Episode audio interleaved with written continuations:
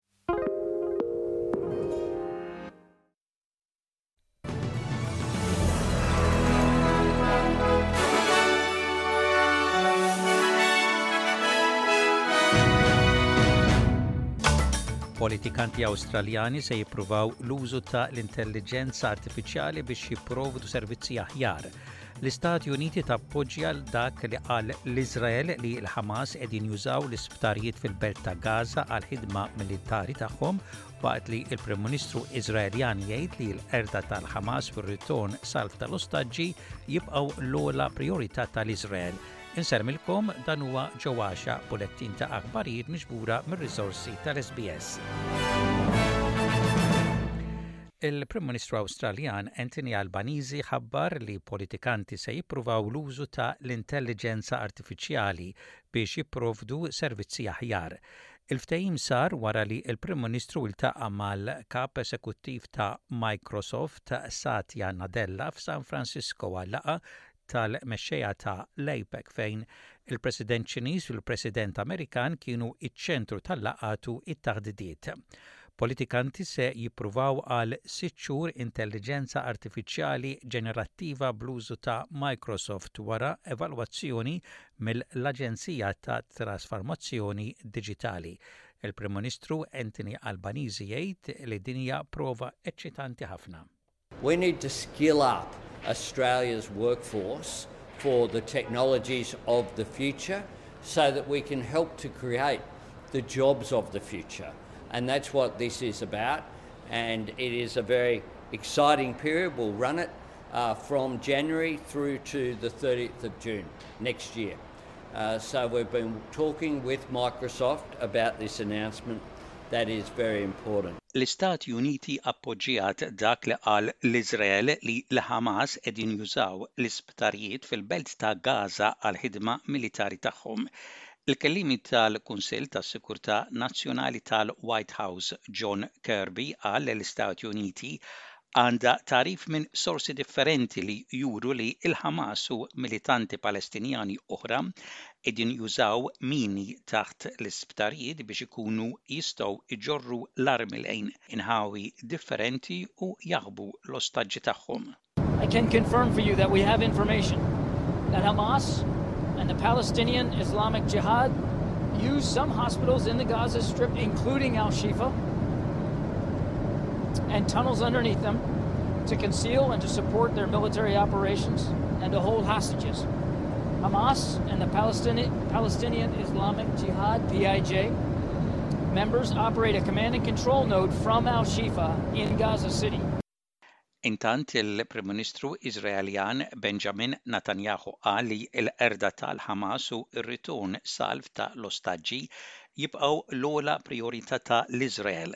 Huwa jgħid li l-prijorità li jkun imiss wara hija li jiżguraw li xi ħaġa simili bħall-Ħamas ma jerġgħux jirritornaw. Hemm tħassib kontinwu fir-reġjun u mill-komunità internazzjonali dwar il-possibilità ta' ġlied jikber f'inkwiet bejn il-Hezbollah u l-forzi Iżraeljani fuq il-fruntiera tal-Libanu, imma l-Prim Ministru Iżraeljan jgħid li ta ordni lill-forzi tad-difiża fin-naħa ta' fuq biex jippreparaw għal kull possibilità. Our goal is, first of all, a complete victory over Hamas in the south and the return of our hostages. Second, of course, is to ensure that after the war, Hamas does not return. Something similar to Hamas does not return. We will ensure that as well. Third and no less important is to take care of the northern sector. In the northern sector at the moment, there are heavy exchanges of strikes. We are striking Hezbollah, but my instruction to the IDF is to prepare for any scenario. I do not recommend Hezbollah trying the state of Israel. That would be the mistake of their lives.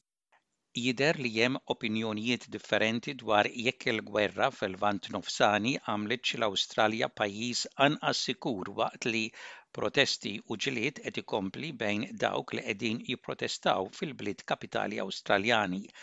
Stħarriġ ippubblikat f'disa' gazzetti juri li 36 fil-mija jemmnu li l-Awstralja hija anqas sikura, 32 fil-mija ma jaqblux u 32 fil-mija oħra mhumiex ċerti. Waqt dibattitu imqanqal fil-Parlament, il-Prim Ministru ħeġġeġ lill-politikanti biex ma ixerrdux it-tensjoni fost akkużi li l-pożizzjoni Laburista dwar l-attivitajiet militari ta' l-Iżrael f'Gaża kienu inaċċettabbli. Il-Ministru ta' l-Iskema ta' l-Inxurens dwar id-Diżabilità Nazzjonali Bill Shorten qal lil Channel Nine li l-pożizzjoni tal-Gvern kienet konsistenti fit-talba għal waqfa umanitarja mill-ġlied minflok waqfien komplut. The Prime Minister stood up and I thought very comprehensively backed in what the Foreign Minister said. And as for the fundamental issue, what we've called for is a humanitarian pause like the United States. Ultimately one day we would like to see enduring peace. Esperti mediċi qegħdin iħeġġu lin-nies biex jużaw maskeri tal-wiċċ biex jevitaw it-tixrid tal-COVID-19 waqt li mewġa ġdida tal-virus qed tkompli tinxtered fil-komunità. L-Università ta' New South Wales tgħid li n-numru tal-każijiet jikber u indikaturi tal-Covid bdew jidhru fil-Victoria f'Awwissu waqt li fi Queensland in-numru ta' nies bil-Covid-19 li kellhom jiddaħħlu l-isptar kiber f'daqqa f'dawn l-aħħar ġimgħat anke jekk it-tilqim naqas It-tabib tal-mard infettiv Dottor Paul Griffin qal lil Channel Seven li n-nies għandhom jilbsu l-maskri b'mod regolari, speċjalment f'postijiet fil-magħluq.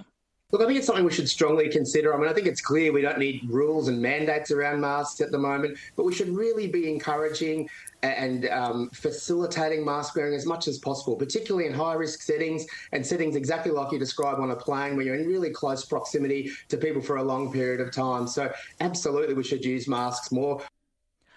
U intemmu dan il-bulettin ta' ħbarijiet parsa lejn ir-rapport ta' temp, temp xemxi mistenni f'Perth, f'Adelaide u f'Cairns, temp imsaħħab mistenni f'Melbourne, f'Hobart u f'Kembra, u possibiltajiet ta' ħarbiet tax-xita mistennija f'Wollongong, f'Sydney, fi Newcastle, fi Brisbane u f'Darwin. Dak kien bulettin ta' aħbarijiet mir-radju ta' l-SBS għal-lum il-Ġimgħa, is-sbatax il-jum tax-xahar ta' Novembru tas-sena 2023.